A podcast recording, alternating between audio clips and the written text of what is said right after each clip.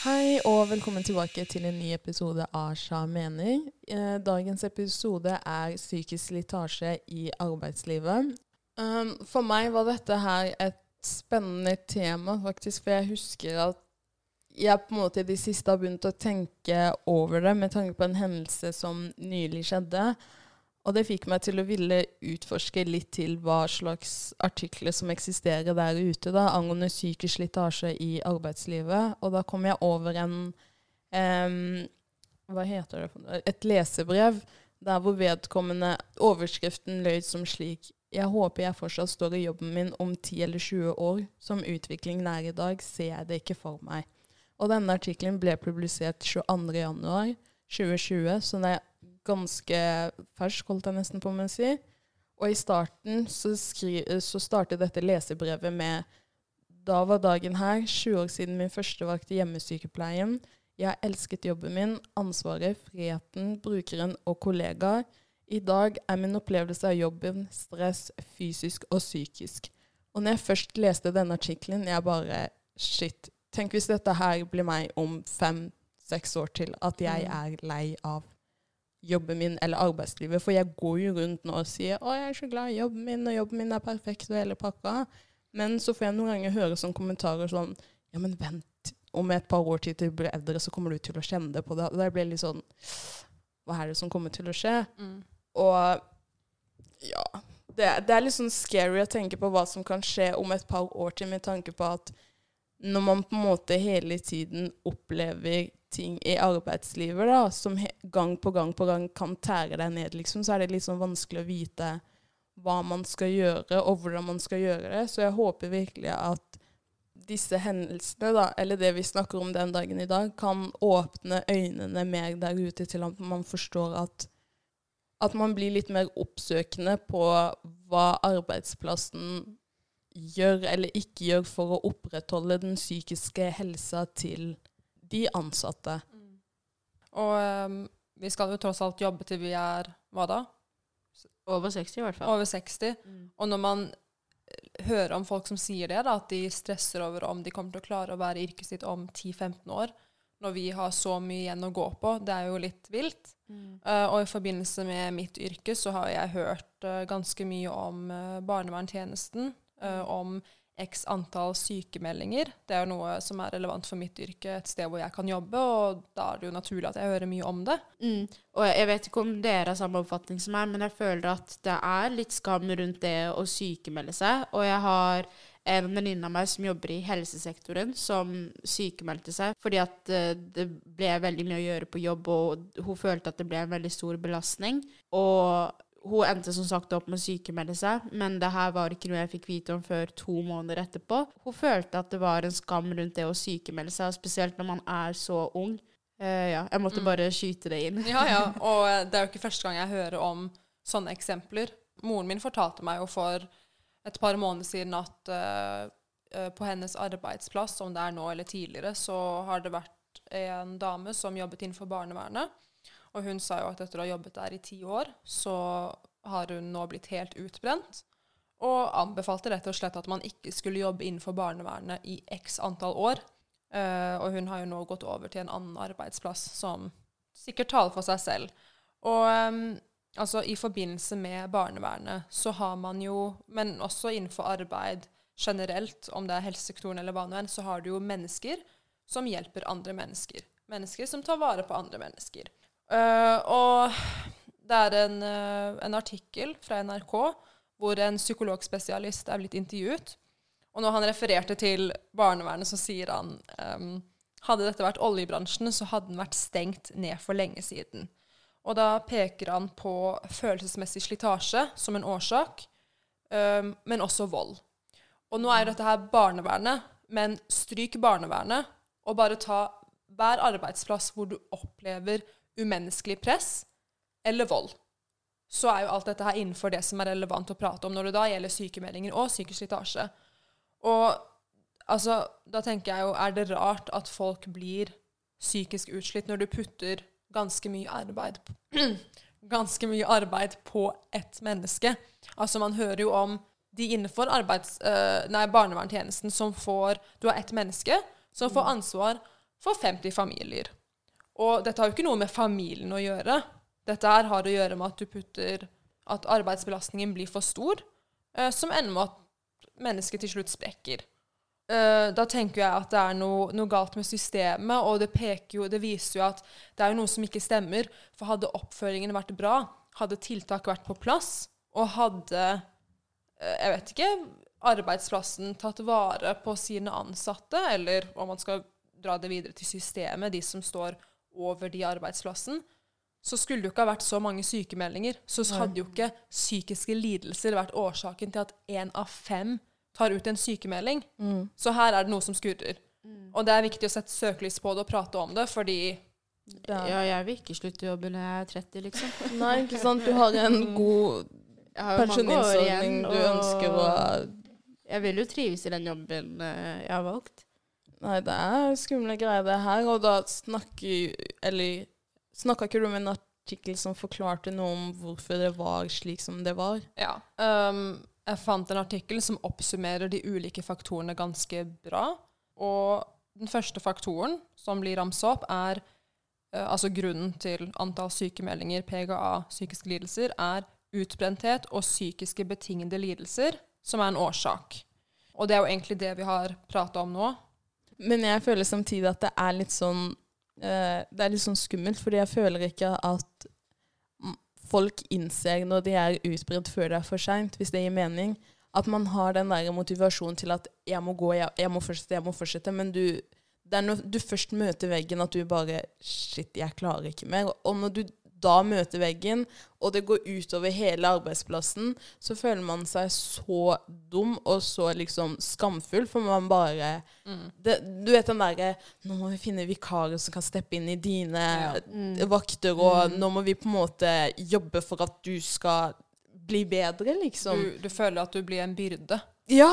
Ikke Så du ender opp med at du er blitt sliten, men du føler deg som en byrde. PGA, du er sliten. Det blir jo en endeløs sirkel av Og jeg føler om, skam. Ja. ja, om at man da ikke får motivasjon til å da fullføre denne sykemeldingen, men heller tenke på 'shit, jeg må bare bli frisk så fort som mulig og komme meg tilbake til jobb', liksom. Fordi det er liksom også så mye baksnakking rundt det å ta ut sykemelding. Så det er så mange som mener og synes ikke at det er greit, føler jeg. For du ser det i kommentarfeltet på diskusjoner, og du hører om det på daværende arbeidsplass eller tidligere arbeidsplass, der hvor folk snakker ned på sykemeldinger. For det er noe som tydeligvis ødelegger dette fantastiske systemet som vi skal følge slavisk, føler jeg. Og det med sykemeldinger og dagens generasjon, det skal vi komme litt tilbake til senere, for det er også relevant.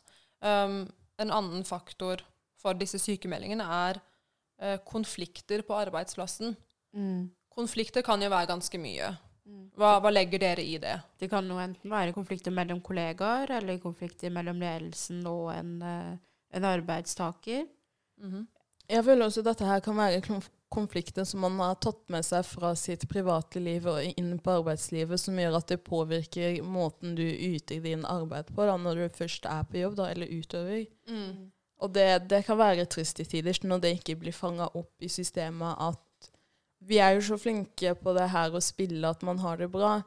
Men Mm. noen ganger så er det noen mennesker du ser kommer inn med røde øyne på jobb, og du ser klart og tydelig at de er hovne, at de har grednet eller hatt en sykt dårlig dag hjemme. Mm. Og istedenfor å bare ta vedkommende til side og spørre hva det er, så er det mer det pushet på nå er det en vakt, en åttetimers vakt, og du skal gjennomføre den, og vi skal komme oss gjennom det. Du får bare høre en sånn Hei, hvordan går det med deg? Nei, ok, da går det videre, ikke sant? En annen faktor er jo over- og understyring. Og da tenker jeg med en gang på ledelsen. At enten så styrer de for lite, at de kanskje trekker seg til side og sier ingenting, at det ikke er gode nok rammer.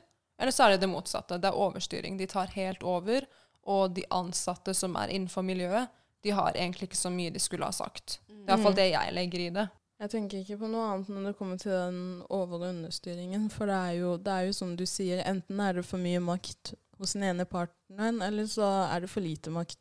Og når sånne ting skjer, så går det utover dessverre folka rundt. For jeg føler alltid går det noe utover systemet, liksom, så går det utover sjefene våre, så går det utover sjefene våre, så går det utover oss, så går det utover oss, så går det utover de brukerne vi jobber for, for da klarer vi ikke å yte den bra tjenesten som vi egentlig skal gjøre. Så jeg føler bare pyramiden faller ned til at det blir urettferdig ved at de som da ender opp med å få denne si, dritten, da, er de som ikke fortjener den, hvis det gir mening. Ja, men OK. Helt enig. Men legger, la oss si vi har en pyramide. Da Ja. tenker jeg på bunnen. Så har du de ansatte. Over de har du ledelsen. Mm. Over de har du Er det systemet eller reg reglene? Eller blir det poteto og potato? Potato, potato, tenker jeg. Ja. Ja. Noe mer? Nei, for systemet har jo som regel ikke Det er jo de som bestemmer alt. Det er det som er, ja. Mm. Lederne må jo gå til systemet for å få en bekreftelse på at de kan gjennomføre og gjøre Mm. ting som de gjør. Ja. Så har vi over-underkommunikasjon. Og da har jeg egentlig bare en kommentar på underkommunikasjon. Jeg kan jo se for meg at hvis du har en arbeidsplass hvor konflikter og viktige arbeidsoppgaver, hvis ikke det blir pratet eh, nok om, altså under kommunikasjon, så fører jo det til en ubalanse i arbeidet og i kvaliteten på arbeidet som gjør at du føler at men herregud, her blir du ikke gjort nok. Dette her er ikke eh, greit, og hva er det som skjer, som gjør at man sikkert føler seg ganske raskt eh, utbrent fordi man ikke får noe utnytte av arbeidet, og det kan jo gjøre at man blir enda mer sliten enn det man er fra før, Mm. Uh, muligens. Så har vi rigide organisasjoner. Uttaler jeg det riktig? Rigide? Ja. Og uh, for å definere rigide, så betyr det stiv, streng eller ufravikelig. Hva tenker dere om det? Strenge organisasjoner som er med på å påvirke at man tar sykemelding. Mhm. Det, det er, jo, er det jo ikke det som man kan si er hele store paraplyen som bærer alle disse under Altså de andre begrepene For- under. Ja, for man føler seg jo låst. Ja, man, man gjør jo det. Du har jo en plikt som du må utføre, og dessverre så er du innenfor det systemet eller det organisasjoner Organisasjoner ønsker å utøve arbeidet sitt sånn og sånn og sånn, og du som en ansatt må bare være pliktoppfyllende og gjennomføre det, og ja. ja. Og det går jo over til Jeg syns det er veldig relevant med mangel på innflytelse. For som du sier, man føler at man har en arbeidsoppgave, en plikt til å utføre noe, så må du gjøre det. Men jeg vet ikke med dere. Man har jo, vi har jo alle gått og tatt en utdanning, og man føler vel da at man i etterkant skal ha en stemme. Absolutt. Det er det vi lærer. Um, vi opparbeider jo kompetanse av en grunn. Vi leser jo pensumbøker av en grunn. Vi skal lære ting, og så bruke det i praksis. Mm. Um, så hvordan hadde dere følt dere? Uh, tror dere da, hvis dere hadde kommet til en arbeidsplass, og så føler dere at dere har egentlig ingenting dere skulle ha sagt, og um, ja. Jeg hadde jo følt meg verdiløs, egentlig. Og jeg tenker at den utdanningen jeg hadde tatt, den kunne jeg like godt bare ha hivd ut av vinduet, hvis jeg ikke får brukt den på den arbeidsplassen. Eh, Jeg tenker at det er ganske naturlig med at um, etter at vi har snakket om hvorfor det er slik, at vi da kan få inn et par um, symptomer å se etter, som en lege vanligvis hadde gjort. da. Nå er ikke vi leger, men ulike symptomer man f.eks. kan se innenfor det emosjonelle, er trist, nedstemt, og det at uh, kollegaer isolerer seg fra andre, det er kynisk eller mistenksom. Dette er innenfor det emosjonelle. Og innenfor det kognitive, og det kognitive er jo med hodet å gjøre, er f.eks. konsentrasjonsvansker, problemer med å ta bestemmelser. Og innenfor det fysiske så har man søvnvansker, spiseforstyrrelser, muskelspenninger og tretthet. Og innenfor det sosiale har man problemer i relasjoner til andre, misbruk av alkohol eller narkotika, og at vedkommende fort kan bli irritabel. Og innenfor det åndelige Ja, de tok faktisk, inn, ja, de tok okay. faktisk inn det åndelige. Mm. Så skrev de at man tviler på verdisystemer, mister illusjoner, og man har en eksistensiell grubling. Dette her er ulike symptomer man kan se etter hos en kollega eller venn f.eks. som opplever det her med psykisk slitasje. Og det er jo hvis du er en eh, oppegående person med to øyne, og du faktisk eh, bryr deg om hva andre folk går gjennom, og du registrerer dine kollegaer på jobb, så de symptomene du nevnte, da, du registrerer jo om en kollega kommer på jobb og ser ut som han eller hun er blitt nedkjørt av en buss. Du ser om en kollega trekker seg unna, Mm. Du ser om en kollega er sint, Mm. sliten, om Irritabel. er irritabel. Mm. Um, og, um, og det med om man grubler over de hva var det, etiske Eksistensielle- eksistensielle årsakene, så kan jo være det komme fram i en eh, En diskusjon, Ja, en diskusjon. Når du er i dialog med kollegaen din, dere prater om arbeidsplassen, hva som blir gjort, så kommer vel det ganske raskt fram. Eller det kommer selvfølgelig an på hvor åpen kollegaen er, men Mm. det kan jo komme fram på den måten. Og jeg tenker at alle og enhver i det arbeidsmiljøet har jo egentlig Man burde egentlig ha plikt, da. Ha det som plikt å, å sjekke opp på hvordan dine med dine kollegaer har det. Absolutt. Så vi har, vi har pratet om ulike faktorer, hva man kan se etter, men så er det jo faktisk hva som kan gjøres. Mm. Uh, og det første er jo, jeg føler det er ganske tydelig og klart, det er jo aksept og genuin støtte fra ledelsen. Uh, som jeg føler at Jeg vet ikke med dere, men den beste følelsen er jo når du føler at du kan med en klar samvittighet og god, komfortabel følelse gå til din sjef og ta opp noe, Mm. og da bli møtt med støtte. Trenger ikke nødvendigvis være at vedkommende er enig med deg, Nei, nei. Uh, men iallfall at du føler at du blir anerkjent og sett. Ja, for du, du snakka om det her med å bli møtt med aksept, og at folk ser en for det man er. da. Og da husker jeg at jeg tidligere i starten av denne episoden sa at jeg ønsket å trekke fram en hendelse. Og det er den hendelsen om hun felles venninna vår, eh, Sifa, som vi snakka om. Ja. Eh, jeg har en venninne som jobber på et sykehjem. Og hun eh, Det var en dag hun hadde en vakt, og det var en pasient som absolutt hadde behov for hjelp. Det var kritisk. Og denne pasienten nektet å ta imot hjelp fra henne fordi hun var mørk i huden. Og når man er i en sånn situasjon, så vet man jo selvfølgelig Altså, man Ja, dere kan jo egentlig bare se for dere hvordan man føler seg, fordi at man føler seg nesten hjelpeløs når man er den eneste som er der, og som kan hjelpe, men så velger pasienten å, å ta avstand og nekte hjelp. Og dette var som sagt på grunn av hudfargen. Dette var jo en hendelse som virkelig gikk inn på venninna vår, og i etterkant av hendelsen så fikk hun, hun fikk jo gått igjennom hva som hadde skjedd med, med ledelsen, og selv om hun ble møtt med støtte og empati, så følte hun egentlig ikke at hun fikk noe utbytte av å fortelle det, fordi at hun visste at de ikke kunne relatere til det som nettopp hadde skjedd, fordi de ikke var mørke i huden. Og hun fortalte også at i etterkant av denne episoden så var det flere kollegaer som kom bort og spurte ja, jeg hørte at det og det hadde skjedd, men eh, hva, hva var det som egentlig skjedde? Det var, det var veldig få som faktisk spurte hvordan går det med deg, er det noe jeg kan gjøre, er det noe vi kan gjøre for at det kan bli bedre? Og det er jo sånne ting som gjør situasjonen hundre ganger verre. Og jeg tenker jo at altså, vi er jo et flerkulturelt samfunn, og vi kan ikke forvente at alle rundt oss kan relatere til alt vi går igjennom, fordi vi er forskjellige. Men jeg tenker at hva kunne ledelsen, hva kunne kollegaene gjort annerledes i denne situasjonen for at denne venninna vår da kunne ha følt seg, følt seg bedre tatt imot, da? Ja, jeg husker når hun venninna vår fortalte oss denne historien, så var det Jeg personlig hadde kanskje sett for meg at eh, man Nå er jo dette her sånn too much to ask for, men kanskje finne noen som kan kjenne seg igjen i en sånn situasjon, hvis det gir mening. Jeg vet at det kan være for mye for en arbeidsplass å tilrettelegge for hver enkelt ansatt de har. Men noen ganger så er det det om å ta vare på de ansattene man også har, som handler om å kanskje gjøre det lille ekstra for at man skal ha det greit. For hvis jeg skulle sette meg, hennes, meg i hennes eh, fotspor, liksom, så hadde jeg tenkt Shit, det her kommer til å gå psykisk langt inn. Liksom, man kommer til å tenke så mange tanker. Og jeg husker et av de spørsmålene som jeg stilte, var fikk du lyst, ly, eh, fikk du lyst til å bli lysere i huden?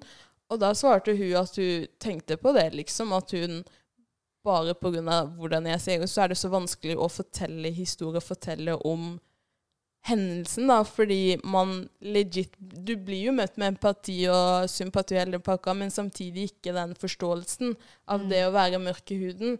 Og da tenker jeg naturligvis at men er det ikke greit å sette inn eller sende til en kanskje psykolog som har minoritetsbakgrunn, da, Mm. som kan hjelpe med, de, med å bygge disse tankene på et annet, eh, en annen vei da, enn det hun var på vei, vei til. Mm.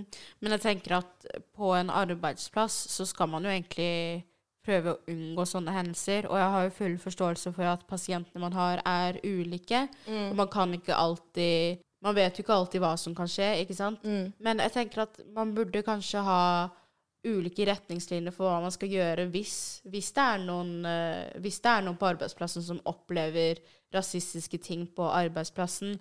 Um, jeg vet ikke om det er relevant å trekke inn her, men jeg har en venninne som søkte jobb nå nylig i, uh, her på Sørlandet. Og på intervjuet Fordi de hadde et inntrykk av at hun var fra, at hun var fra Østlandet av en eller annen grunn. Men på intervjuet så spurte de om ja, hva tenker du om rasisme, og hvordan, hvordan har du håndtert rasisme eh, på arbeidsplassen din? Og bare det at man blir stilt sånne spørsmål, det Mm. viser jo bare at dette er noe arbeidsplassen faktisk har tenkt på. Mm. Altså, jeg har jo, når jeg har vært på intervju, så har jeg liksom blitt spurt om ja, hvor ser du deg selv om fem år? Det er ikke relevant for verken deg eller meg. Jeg sier ikke at jeg ikke har ambisjoner, for det er ikke det det handler om. Jeg har ambisjoner, men det er bare at det er visse ting som, som faktisk som er viktigere å snakke om, som f.eks. rasisme. Hvordan hadde jeg håndtert rasisme? Hvordan håndterer dere rasisme? Har dere retningslinjer på det? Hvordan er det med arbeidsmiljøet her? Hvordan håndterer dere mobbing? Det er sånne ting. Man skal jo helst prøve å unngå at sånne ting som det venninna vår gikk gjennom, gjorde. Det er, man, skal, man skal jobbe med å forebygge det. Og jeg tenker at i ettertid, når skaden allerede har skjedd, så skal man også ha tiltak. Men jeg beklager, det er jo veldig jeg, Altså, det var et godt poeng du kom med, at man kanskje burde ha en, en psykolog på arbeidsplassen, men det er jo som, sånn som verden er bygd i dag, så er det dessverre veldig urealistisk. Ja, for det store spørsmålet er jo hvordan, hvordan tilrettelegge arbeidsplassene der ute for minoritets... Eh, altså folk med minoritetsbakgrunn. Er det sånn at Skjer det noe rasistisk med dem, så er det bare en samtale inne på kontoret, og så er det chipshop ferdig, liksom? Eller er det noe oppfølging som skjer etterpå?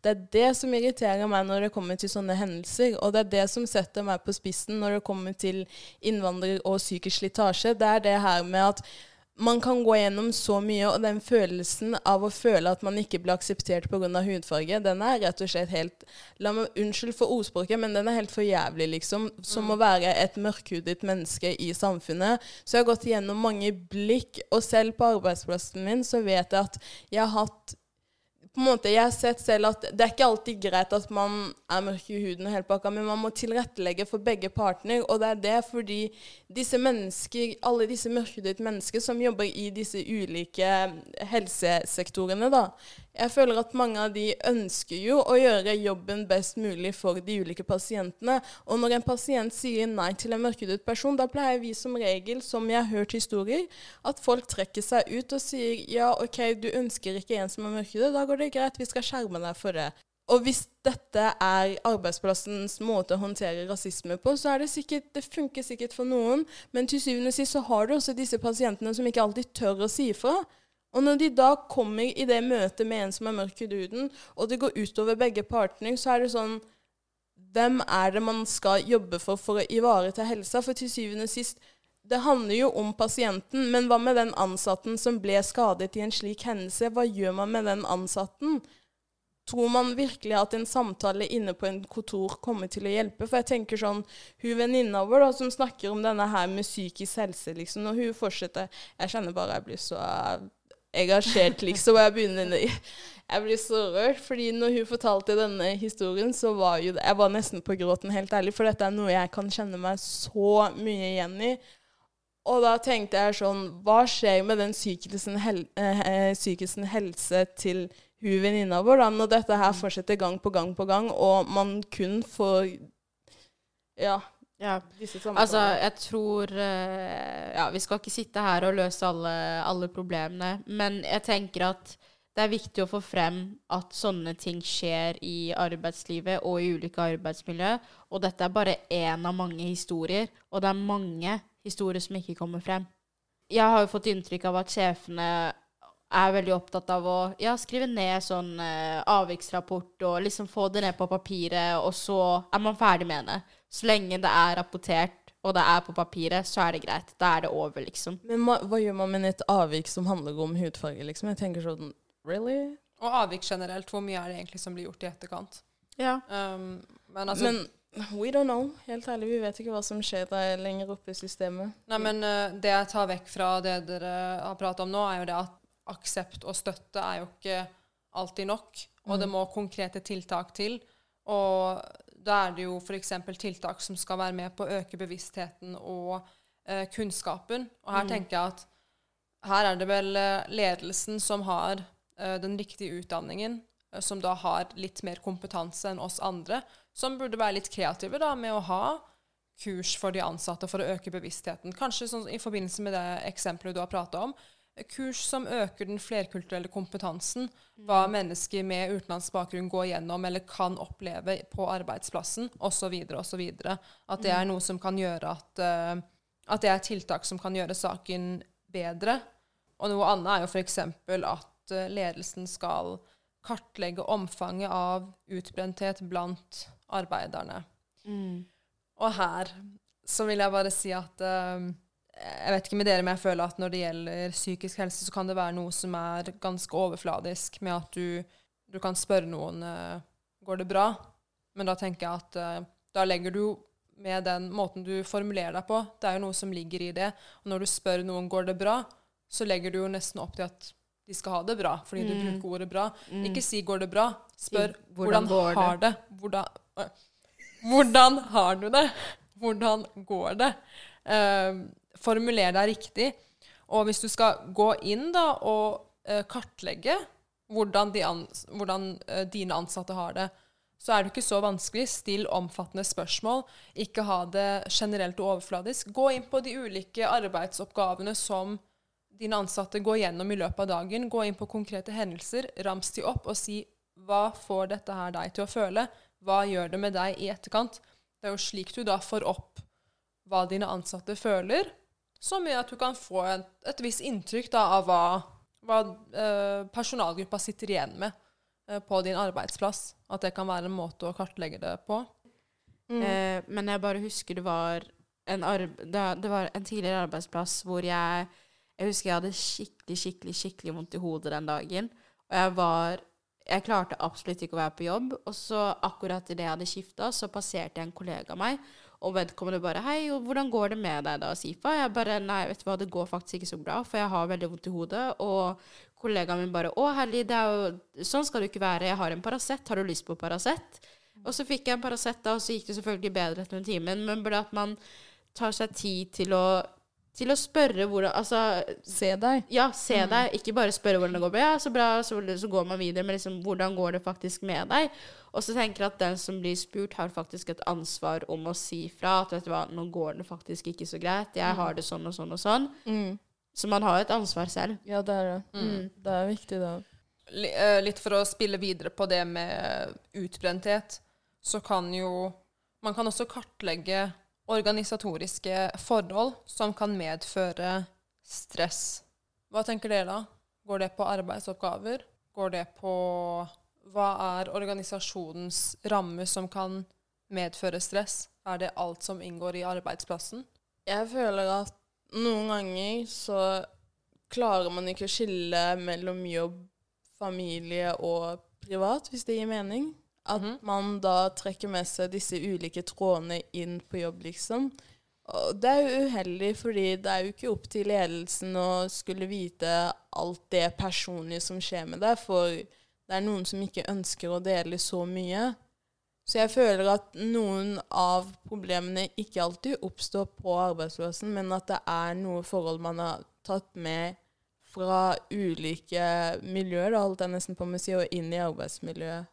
Andre ting som kan uh, bli gjort for at ting skal forbedres, er jo uh, Da tenker jeg på et veldig konkret tiltak som uh, noe som kan forebygge stress, og som kan være til hjelp for helsa vår. Og da tenker jeg trening.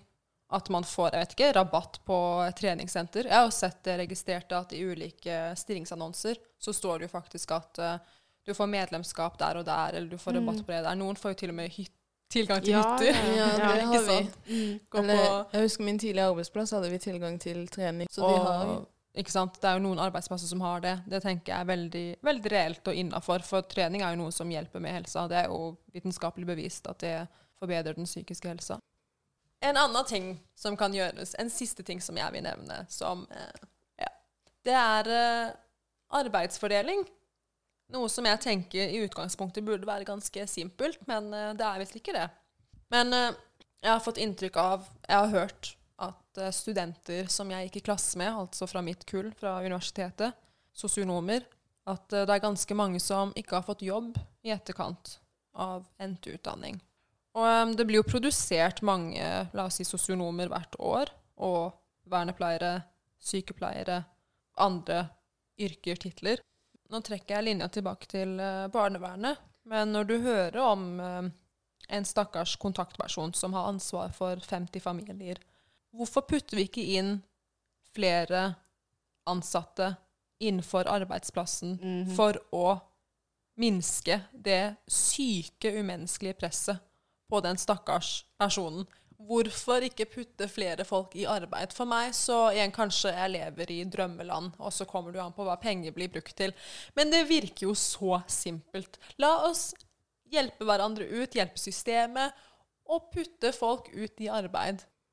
Og så har jeg et siste spørsmål som jeg tenker eh, Det er jo vel, eller, ja, det handler jo om sykemeldinger, så det er jo relevant for det vi prater om.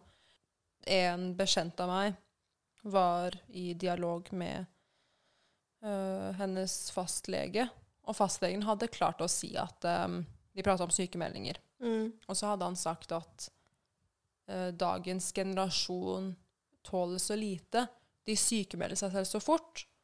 Og nå vet jo ikke jeg hvor mye av dagens eh, statistikk for disse sykemeldingene Om det er den unge, vår generasjon, da, den yngre Mm. generasjonen som utgjør statistikken, det har ikke jeg noe oversikt over, så jeg kan ikke gi noen tall. Men jeg, det provoserte meg litt, for jeg tenkte at hva for en ting er det å si? At, mm. uh, at den yngre generasjonen tåler uh, mindre.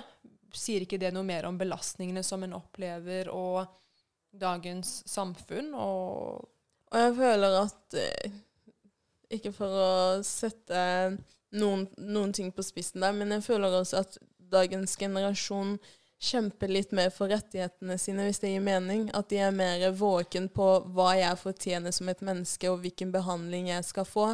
For jeg føler at den eldre generasjonen var sånn Den som samtykker, tier, ikke sant? tolv Ja. Nei, den som tier samtykker. Mm. Det, var sånn, det er sånn ordtaket går. Og jeg føler at den da eldre generasjonen var veldig vant til å gjøre det her, mens den yngre generasjonen er med på nei, jeg vet hvordan jeg skal bli behandlet, og Mm. Jeg har det ikke bra, så jeg må dessverre ta et par dager fri, og da fører det til at ja, jeg er enig, fordi da blir det sånn at den eldre generasjonen tålte mer fordi de måtte. De mm, følte ikke at de hadde noe valg. Nå prater vi mer om Vi prater mer åpent om psykisk helse, selv om vi fortsatt har en vei å gå. Men Mm. det er mer åpenhet rundt det. Mm. Og eh, jo, at vi vet hva Eller vi vet hva rettighetene våre er, og vi tør å kanskje kreve det som vi føler at vi fortjener. mm, Og så, ja. Og jeg må egentlig bare si at det er litt trist å innrømme det, men jeg er jo vant til at den eldre generasjonen sier ja, da jeg var på, min alder, da jeg var på din alder, så gjorde vi det på den måten, og da var ting mye vanskeligere, så det Mm. dere går gjennom nå, det, er- det er ikke tøft i det hele tatt. mm. Det er jeg på en måte vant til. Så, men kan man egentlig sammenligne ulike generasjoner? De er så Nei. ulike. Man kan ikke det. Man kan ikke ja. Ja, så jeg blir jo egentlig veldig, veldig provosert når jeg hører det der. Jeg tenker at sånt er ikke greit å si. Nei. For det ligger jo i ordet ulike generasjoner. Ja. Du kan Mm. ikke sammenligne din generasjon med en annen som er oppvokst i en helt annen tid, med an eh, noe annen struktur da, og andre Påvirkningsfeltet, tenker Ja. jeg. Sånn påvirkningskraft. Nei, for å trekke det her til en avslutning, da, så tenker jeg at det viktigste der ute for å gi lite For å gi tips og råd til folk der ute i arbeidsplassen, det er først og fremst det her vi snakker om å noen ganger erkjenne at man ikke har det bra, og la andre kollegaer komme inn på deg, og der hvor du kan bare åpne deg og si at du ikke har det greit. For noen ganger er det greit å ikke ha det greit. Og kollegastøtte har mye å si. Det har det. Og til disse her med minoritetsbakgrunn, ta vare på dere selv, men samtidig vær åpne til sjefene der ute, for de er der for dere. Og prøv å snakke med dem og forklare situasjonen så best som mulig, sånn at de også kan tilrettelegge for, for deg og arbeidsplassen, sånn at ikke du opplever mer enn det du må fordi du velger å holde kjeft. Altså ikke skyld kun på sjefene, men gå inn i deg selv og se har jeg virkelig tatt dette et steg videre. Og um, vi nevnte sykemeldinger og ordet skam i forbindelse med det. Please, ikke føl skam for at du Mm. sitter igjen og er utbrent og sliten og nærmest har fått en psykisk lidelse. Ikke føl skam. Ta vare på din helse, for det er det som er det viktigste. Vi er ikke roboter, vi er mennesker. Du har flere år å jobbe på. Mhm. Og til dere som allerede er ute i arbeid, det er fortsatt flere år dere også jobber ut på. Så det er viktig å ta vare på den psykiske helsen i arbeidslivet like viktig som det er å ta vare på den psykiske helsen i det vanlige livet òg. Så ja, vi jentene fra Sja ønsker å takke dere veldig for at dere har tatt dere tid til å lytte på denne episoden, og vi håper virkelig at dere har lært noe av episoden, og at dette har vært et spennende tema som har fått dere til å reflektere litt annerledes over uh, arbeidslivet deres, og kanskje få lyst til å ta tak i et par ting der ute. Og så ønsker vi dere masse lykke til på den reisen, og bare send oss kommentarer eller historier på hvordan dette her går på f.eks. Instagram shamene.pod, og vi har en Facebook-side som dere også kan sende meldinger til hvis dere ikke har Instagram, da, som heter Sja Takk. Takk for oss.